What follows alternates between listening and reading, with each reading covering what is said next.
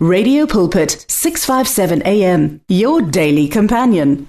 Kulohlelo lapho sithi khona mphatlalatsane kungolosihlanu ekseni mlaleli ngilithathe leli thuba ngikubingelele egameni elihle igama lenkosi yethu Jesu Kristu waseNazareth. Phinde ngibonga nakubahle enhlapho ukusiboleke ke leli thuba bahle uNkulunkulu ke akubusise. Mlaleli siyaqhubeka nendaba yethu. Uyakhumbula ukuthi iqale lapha yana kumahubo 82 verse 6 saqhubeka saya kuJohn chapter 10 verse 34 saphinde ke mlaleli sawufunda ke ku Exodus chapter 7 verse 1 lapho uNkulunkulu athi kuMose ngizokwenza ube njengoNkulunkulu kuFaro. Akathanga ebantwini bonke kepha waba specific wathi kuFaro. Waqhubeka kuNkulunkulu wayesethi ke kuAro olentuza kuMose uAaron yena uzaba umprofeti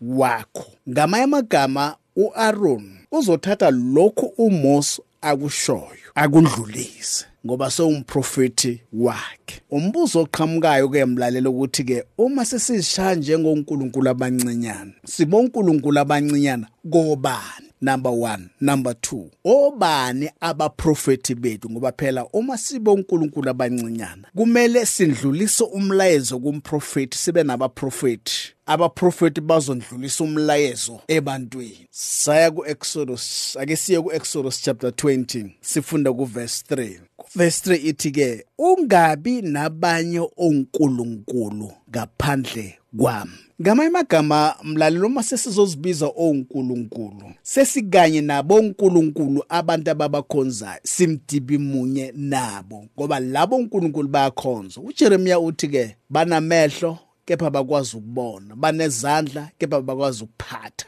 Banezinyawo kepha abakwazi ukuhamba.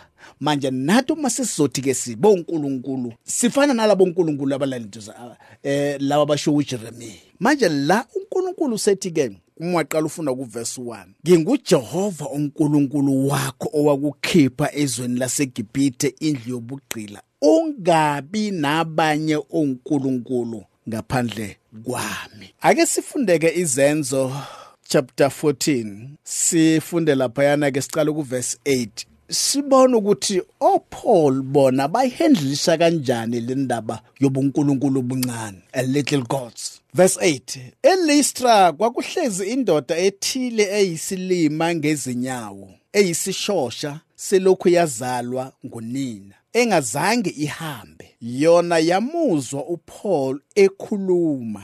Yena eyigqolozele wabona ukuthi inokukholwa kokuba iphiliswe. Verse 10 wathi ngezwi elikhulu sukuma ume ngezinyawo zakho. Yayisigxuma yahamba. Kwathi ke izixuku zikubona lokho akwenzile uPaul. Zaphakamisa izwi lazo zathi ngesilikawoyina onkulunkulu befana nabantu behlele kithi awulalele mlaleli. Onkulunkulu uN omncane befana nabantu behlele kithi verse 12 uBarnaba bambiza ngokuthi uJupiteri uPaul ngokuthi uMercury ngokuba kwakunguye owayehola ekukhulumeni. Kepha umpristi kaJupiteri othempeli lakhe liphambi komuzi waletha izinkunzi nemigexo yezimbali ngasemasangweni wafuna ukubahlabela ekanye nezixuku verse 14 kwathi ukuba bekuzwa lokho abapostoli oBarnaba noPaul mlaleli kwangathi kubo kwafinyelela esifu ngathi yinhlamba leyo ukuthi babiza ukuthi uNkulunkulu abonkulunkulu.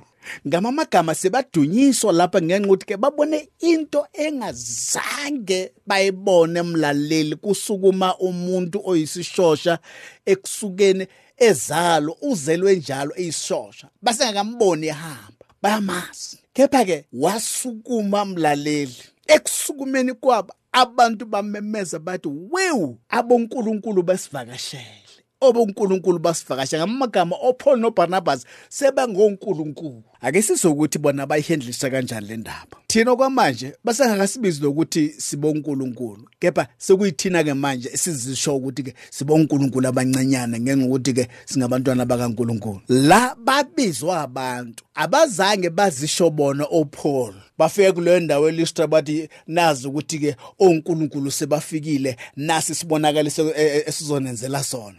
Wena sukuma uhambe wayesisukuma ke basethi seniyabona ke manje singonkulunkulu benu ake sibone ukuthi bayihendlisha kanjani mlaleli. Kwathi ukuba bekuzwa lokho abapostoli uBarnaba noPaul batlebhula izingubo zabo baphonseka phakathi kwesixuku bememeza bethi madoda nikwenzelani lokhu na? Nathi singabantu abanjengani ngemvelo. Sinishumayeza ivangeli ukuba niphenduke kuloko kuyize niphendukele kuNkulunkulu ophilayo owenze izulu nomhlaba nolwandle nakho konke okukukho mlaleli. Wewu bekufanele ngempela bababiza uNkulunkulu. Bekumele bagqaje futhi ngenxa ukuthi benza umsebenzi omkhulu. Thina abaye bethu sangakaphakamisa even nesishosha. Kepha sizothi ke singunkulunkulu ebantwini. Uma sesizophakamisa ishosha ke sizothini? Ake sibone lokhu mlaleli. Uyakhumbula izwi lenkosi lithi ke uJesu kwathi nanoma elingana noNkulunkulu akazange athi kungukuphangwa ukuba uNkulunkulu. Kukhona nala izwi lenkosi lithi wayengavumi ukuthi bathi muhle. Wayevela athi ke uNkulunkulu uye yedwa omuhle. Mlaleli uJesu wayevusa abafileyo kwenzeka izimangaliso. Kepha akazange alikhiphe igama lokuthi nazi kusukela manje ukuthi ke ngingunkulunkulu. Wayeloke ethi ngindodana kaNkulunkulu. Niyakhumbula nalo wayegula loyo. Wathi indodana kaDavide ngiyahawukele akaze ngathi hey ngathi ngindodana kaDavide mina wathi ufuna ukuba ngikwenzeleni ukuthi ngibone okuyikhukhumeza kunga ake sibele ezweni elentuzene kuGenesis. Uyakhumbula uchapter 3 lapho iBhayibheli lithi ke inyoka yayinobuqili kunazo zonke izilwane zasendle abezenzile uJehova uNkulunkulu. Yathi kowesifazane ngempela uNkulunkulu ushilo yini ukuthi ningadli emthini yasensimini na? Wesifazana wathi enyokeni singadla izithelo zemithi yasesimini kepha ngezithelo zomuthi ophakathi nensimi uNkulunkulu ushilo ukuthi ke ningazidli ningazithinti ukuba ningafi lalela ke. Inyoka yathi kowesifazane aniyukufa nokufa kepha uNkulunkulu uyazi ukuthi mhla nizidla kuyakuvuleka amehlo enu nibe njengoNkulunkulu nikwazi okuhle nokubi nibe njengoNkulunkulu. Usuyabona manje isibisela back ekuGenesis lo moya lo usubisela back kuGenesis lapho lenyoka athi nizoba njengoNkulunkulu. Mayithi naku sesithi ke hayi singabonkulunkulu abancinyana sibonkulunkulu abancinyana ngenxa ukuthi ke sesamukela uNkulunkulu uNkulunkulu baba wethu automatic bazalwane ayibo ake silifundisisene izwi lalela. Aniyikufa nokufa kepha uNkulunkulu uyazi ukuthi mhla nizidla kuyakuvuleka amehlo enu. Nibe njengonkulunkulu nikwazi okuhle nokubi. Akaseneliswe yilokhu kumlalela ukuthi ke singabantwana bakaNkulunkulu sithethelelwe izono singafuni ukuyibeka emapositionini angasifanele. Singabantwana bakaNkulunkulu. Umpostoli Paul bathi uma sibababiza ngabonkulunkulu izwi lenkosi lithi baphonseka phakathi kwesixuku bamemeza izingubo nikwenzelani lokho singabantu sifana njengani ngenxa yesikhathi ake intambo kubahle bahle intambo kwezakho babayilapha ekhaya mlaleli The words of the Lord are words of life. Your heart is on 657 AM. 657 AM. Radio for believers in action.